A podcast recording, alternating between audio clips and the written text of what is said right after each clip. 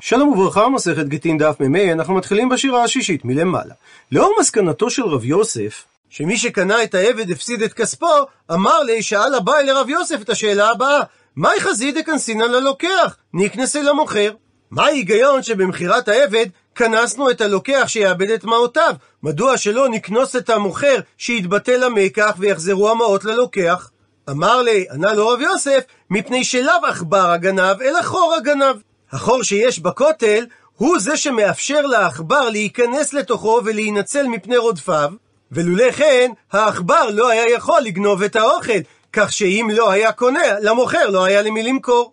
אמר לי, מקשה עליו אביי, אבל אי ולאו עכברה חורא מנהלי.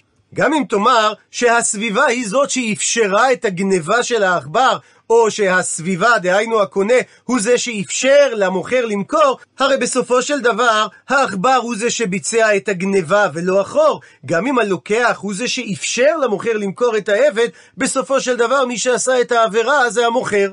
עונה לו על כך רב יוסף, מסתברא שאיכא דאיכא איסורא התם כנסינן.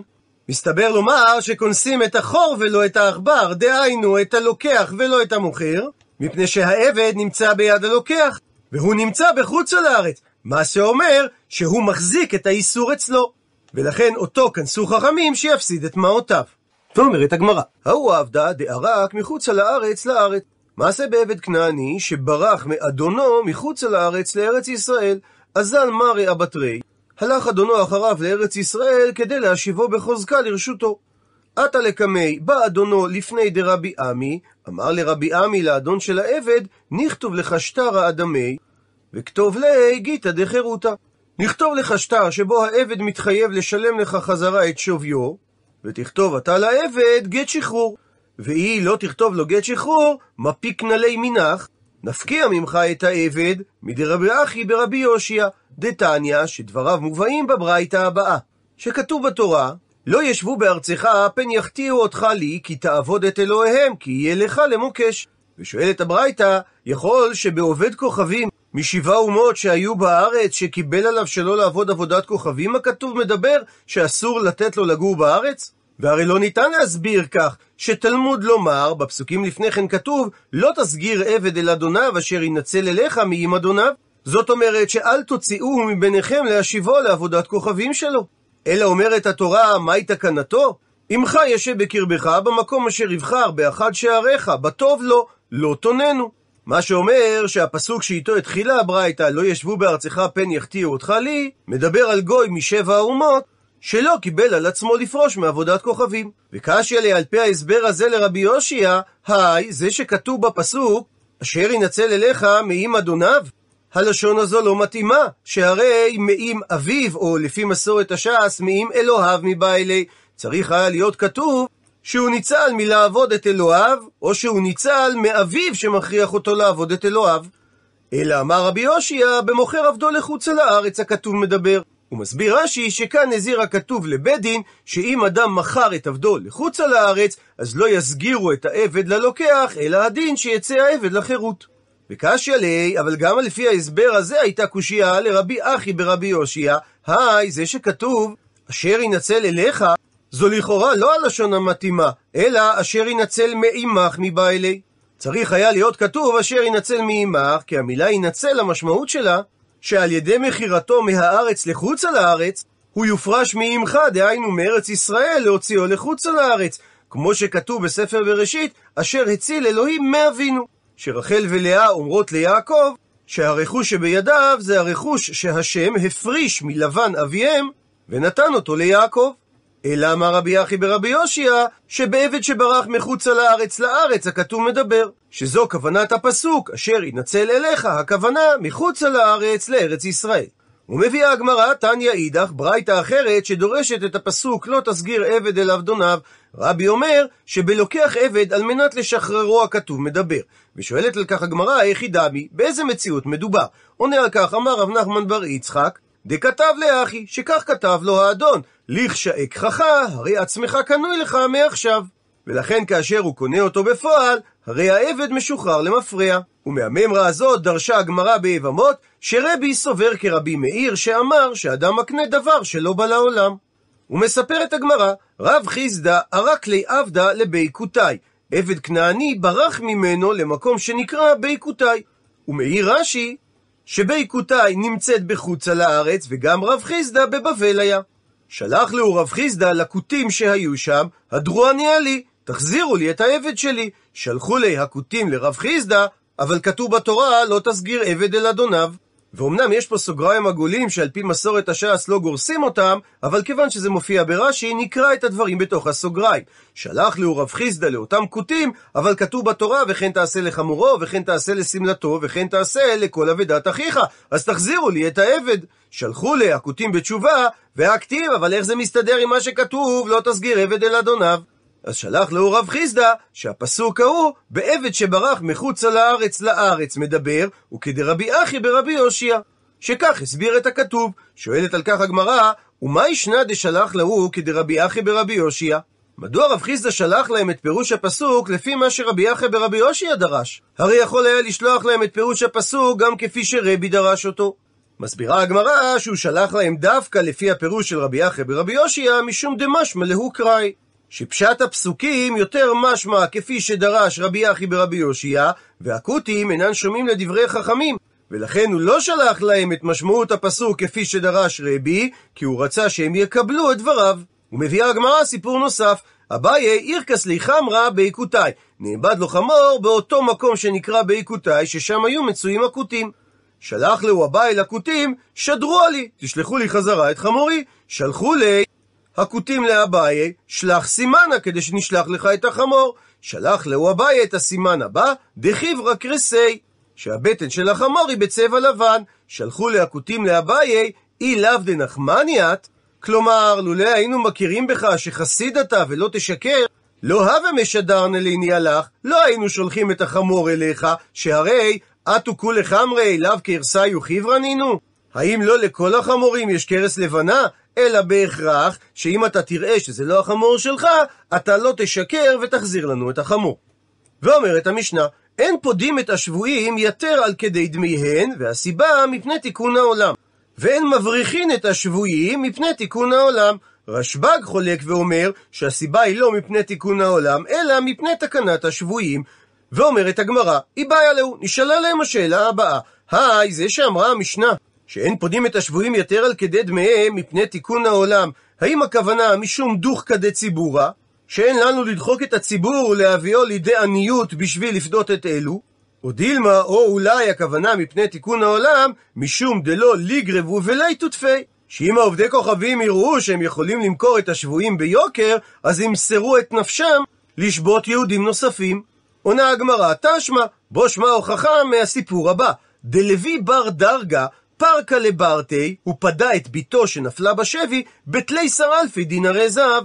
והיות והתירו לו לפדות את בתו בסכום אסטרונומי של 12 אלף דינרי זהב, זה אומר שמה שאמרה המשנה מפני תיקון העולם, הכוונה משום דוחקא דציבורא, והיות שהוא היה אדם עשיר, הטעם הזה לא היה קיים במקרה שלו. דוחה את ההוכחה אמר אביי, ומן לימה לן, מי יאמר לנו דברצון חכמים אבד? דילמה, כי אולי ניתן לומר שלא ברצון חכמים אבד, ולכן גם במקום שאין דוך כדי ציבורה, אסור לפדות את השבויים יתר על כדי דמיהן. ציטוט מהמשנה, ואין מבריחין את השבויים מפני תיקון העולם, ורשב"ג חולק ואומר מפני תקנת שבויים. ושואלת הגמרא, מהי ביניו? מה ההבדל בין דעתו של תנא קמא לדעתו של רשב"ג? עונה הגמרא, איכא ביניו, יש ביניהם את ההבדל במקרה דלקה אל אחד. שאין אלא שבוי אחד.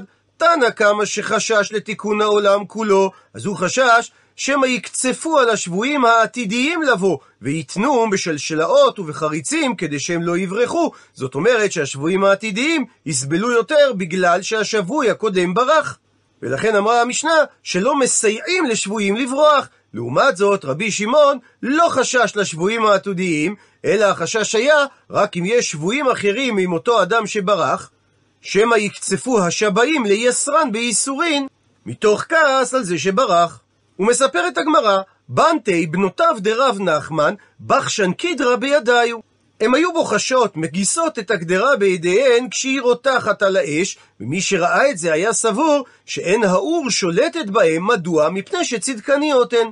קשיא ליה, והיה הדבר קשה לרב איליש, שהרי כתיב, פסוק בקהלת נקרא בפנים, אשר עוד ביקשה נפשי ולא מצאתי, אדם אחד מאלף מצאתי, ואישה בכל אלה לא מצאתי. שניתן למצוא אדם אחד צדיק מתוך אלף, מפני שזה לא דבר מצוי, ואצל נשים זה מצוי עוד פחות. ושאל רב איליש את עצמו, אבל האיכא בנטי דרב נחמן. איך זה מסתדר מבחינה סטטיסטית, אם יש פה את בנותיו של רב נחמן שהן כאלה צדקניות? ומספרת הגמרא, גרמה להו מילתא, גרם הדבר הזה שרב איליש הסתפק על בנותיו של רב נחמן, והשתביין והשתבע אלאי הוא נמי בעדיו. שהבנות ורב איליש נשבו ביחד. ושם בשבי יום אחד, הווה יתיב גבי ההוא גברא, ישב עם רב איליש, שזה אדם, דהווה ידע בלישנא דציפורי, שהוא הבין את שפת הציפורים. עתה עורבא וקקרי לי, והוא רואה שמגיע העורב וקורא. אמר לי רב איליש לאותו אדם, מייקה אמר, מה אמר העורב? אמר לאותו אדם שאמר העורב, איליש ברח, איליש ברח. אמר איליש, עורבא שיקרא הוא, הוא שקרן, ולכן ולא סמיך נעלי. לא סומך על מה שהעורב אומר. עד האחי, בינתיים, עתה יונה וקקריה. הגיעה גם יונה, וגם היא צפצפה איזה משהו. אמר ליידיש לאותו אדם, מייקה אמרה היונה? אמר לאותו אדם שגם היונה אמרה, איליש ברח, איליש ברח.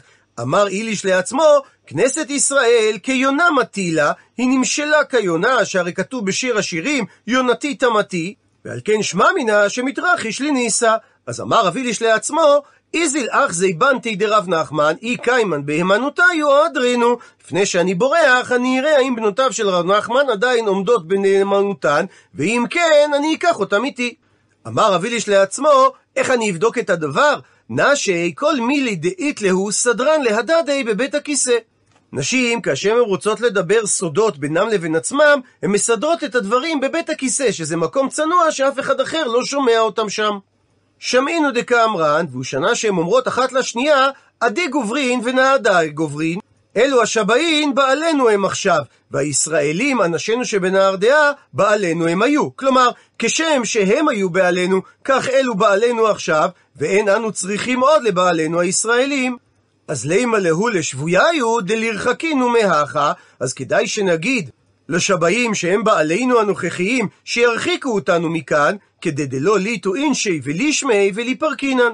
כדי שלא יבואו בעלינו הישראליים ויפדו אותנו מהמקום הנוכחי. הבין רבי הילי שבנותיו של רנחמן לא שמרו על צדיקותן, קם ערק, וברח בלעדיהם, עתה אי הוא וההוא גברא. הגיעו רבי היליש ואותו האיש המבין בלשון העופות, במהלך בריחתם למעבר מים. לדידי, לרב איליש, התרחיש לניסה והוא עבר במברה, והוא הצליח לעבור את מעבר המים והשבעים לא יכלו להשיגו עוד, לעומת זאת, וההוא גברא שהבין בלשון העופות, לא התרחש לו נס, אשכחוה וקטלוה. והשבעים מצאו אותו והרגו אותו, כי הדרן והתן, וכאשר חזרו בנותיו של רב נחמן, ובאו לבעלים הישראליים שלהם, ושוב הם היו בוחשות את הקדרה בידיהם, אמר רב אילש, הבו קבחשן קידרא בכשפים.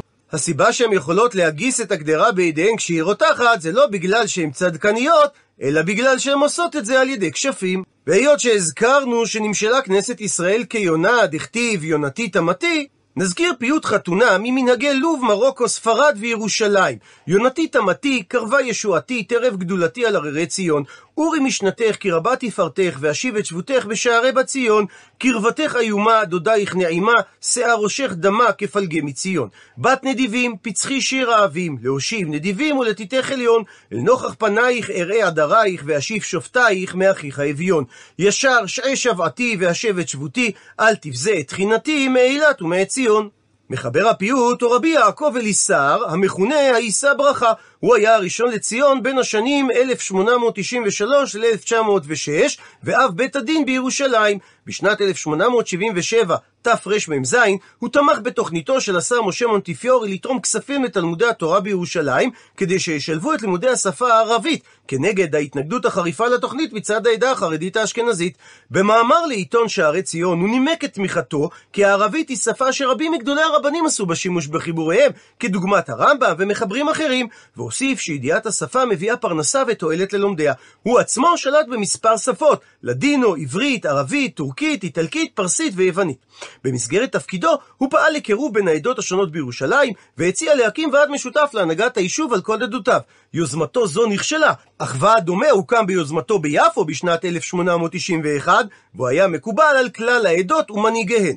ואומרת המשנה, בהמשך למשנה הקודמת, ואין לוקחים ספרים תפילין ומזוזות מן העובדי כוכבים יותר עד כדי דמיהן, הפכנו דף מפני תיקון העולם. הוא מסביר רש"י, אחד משני הטעמים שהביאה הגמרא קודם, או משום דוחקא דציבורא, או משום שהגויים לא יתאמצו בגלל הרווח הכספי לגנוב ספרי תורה ותשמישי קדושה. ואומרת הגמרא, שאמר לרב בודיה לרב אשי, שמלשון המשנה משמע שדווקא יתר על כדי דמיהן ודאין לוקחים, הא בכדי דמיהן כן לוקחים. אז אם כך שמע אמינא, ניתן לדייק שספר תורה שנמצא ביד עובד כוכבים, קוראים בו, ולא חוששים שמא הגוי כתבו לשום עבודת כוכבים. דוחה הגמרא את דיוקו של רב בודיה, דילמה, אולי ניתן לומר, שאכן ניתן לדייק מהמשנה שמותר לקחת את ספרי התורה בכדי דמיהן מהגוי, אבל לא על מנת לקרות בו, אלא על מנת לגנוז אותו. ואין מניחים את ספר התורה בידו של הגוי, כי יש ספק שמא הספר כשר, ובכל זאת גונזים אותו, כי יש ספק, אולי הספר פסול. ובאותו עניין אמר רב נחמן, נקטינן, מסורת בידינו מרבותינו, שספר תורה שכתבו מין יישרף. ואומר רש"י, שמין הכוונה לגוי האדוק בעבודת כוכבים, כגון כומר. וספר תורה שכתבו עובד כוכבים ייגנז, מהסיבה שתבאר הגמרא בהמשך, ואם נמצא ספר תורה ביד מין, ייגנז, אבל אם נמצא ספר תורה ביד עובדי כוכבים, יש בדבר מחלוקת. אמרלה, יש אומרים שיגנז ספר התורה, ואמרלה, ויש אומרים שקוראים בו. הוא מסביר רש"י, מי שאומר שספר תורה שנמצא ביד עובד כוכבים ייגנז, זה מפני שיש ספק שמא אותו עובד כוכבים כתב את ספר התורה. ומי שאומר שניתן לקרוא בספר תורה כזה, מפני שיש בדבר ספק ספקה.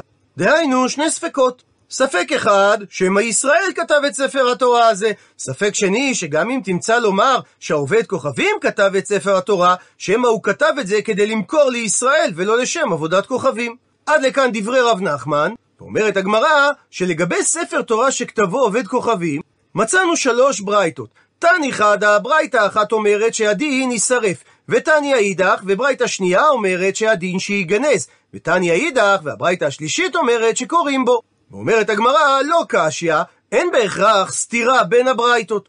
כי ניתן להסביר באופן הבא, הדתניא יישרף, הברייתא שאמרה שספר תורה שכתבו עובד כוכבים יישרף, שיטת רבי אליעזר היא דאמר שסתם מחשבת עובד כוכבים לעבודת כוכבים.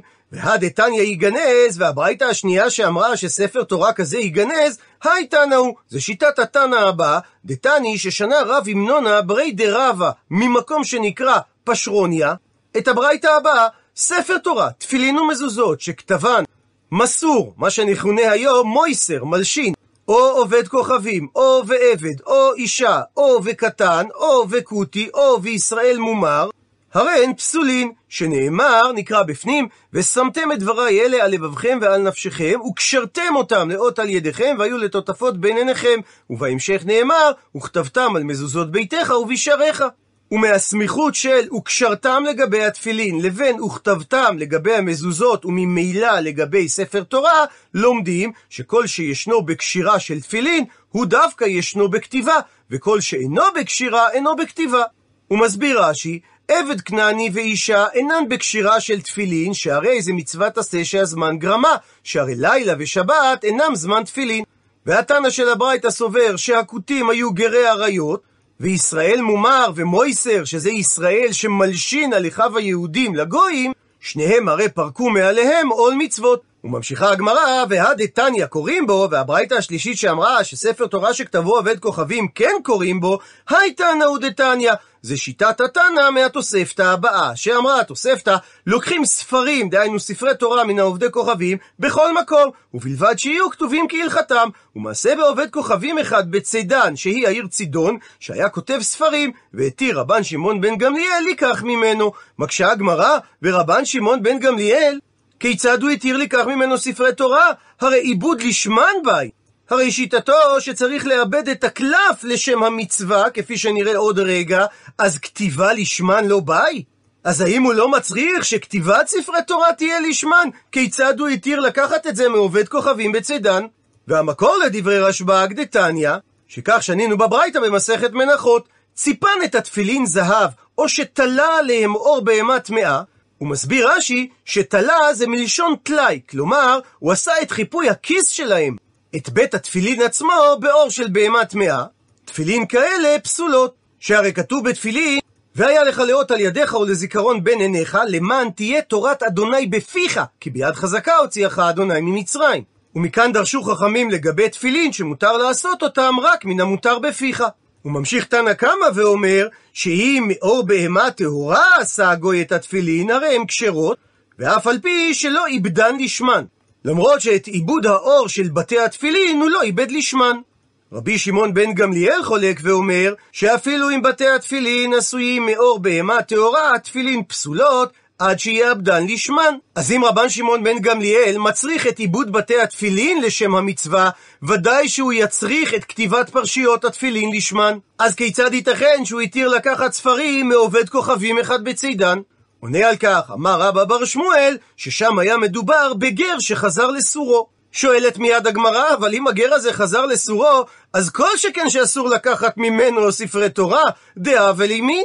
שאז הוא נחשב כגוי שאדוק בעבודה זרה, ולכן הוא חזר לסורו, וספר תורה שכתבו מין, כבר למדנו שהוא פסול. מבאר את הדברים, אמר רב אשי, שמדובר בגר כזה, שחוזר לסורו משום יראה. מפני שהיה הרי לנפשו שלא יהרגו הגויים. וממשיכה הגמרא, תנו רבנן שנו רבותינו בברייתא. לגבי מה שנאמר במשנה מעלין בדמיהן, זה עד כדי טראפק. זאת אומרת, שאף על פי ששנינו שאין לוקחים מותר ביותר מדמיהן, זה רק כדי שלא ייתנו הגויים לב ויטריחו לשלול ספרים מהיהודים, אבל להוסיף עוד קצת דבר מועט כדי להעלות דמיהם מהגויים בשיעור של טרפעיק, זה מותר. ושואלת הגמרא, מאי טרפעיק? עונה על כך, אמר רב ששת, איסתירא.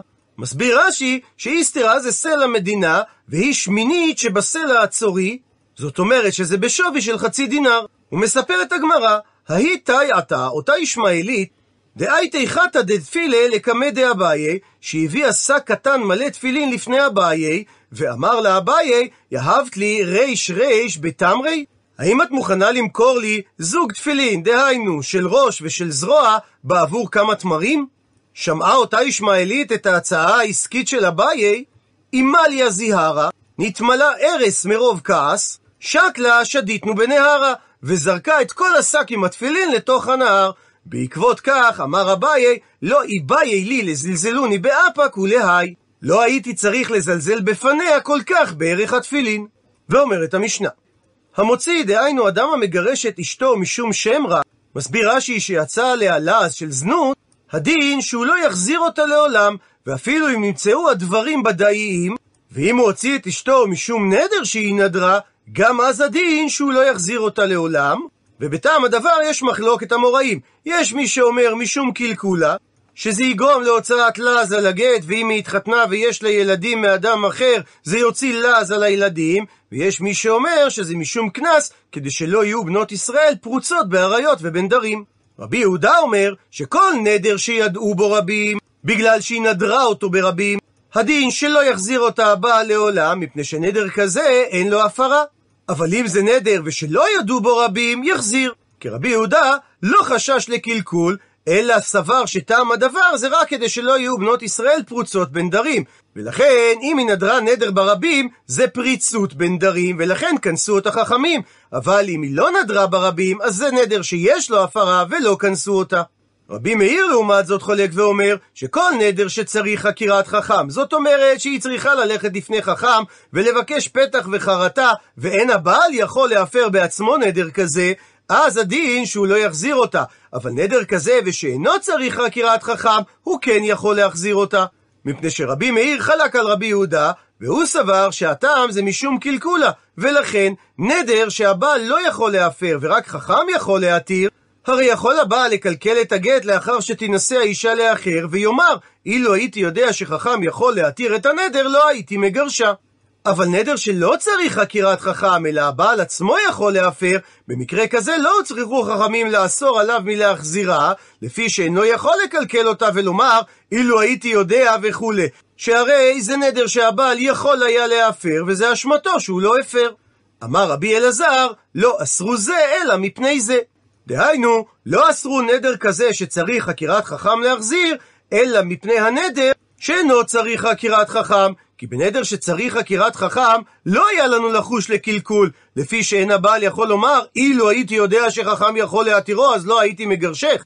מפני שרבי אלעזר סובר שאנחנו עומדים בדעתו של אדם, שאין אדם רוצה שתתבזה אשתו בבית דין בפני חכם, כדי להישאל על נדרה.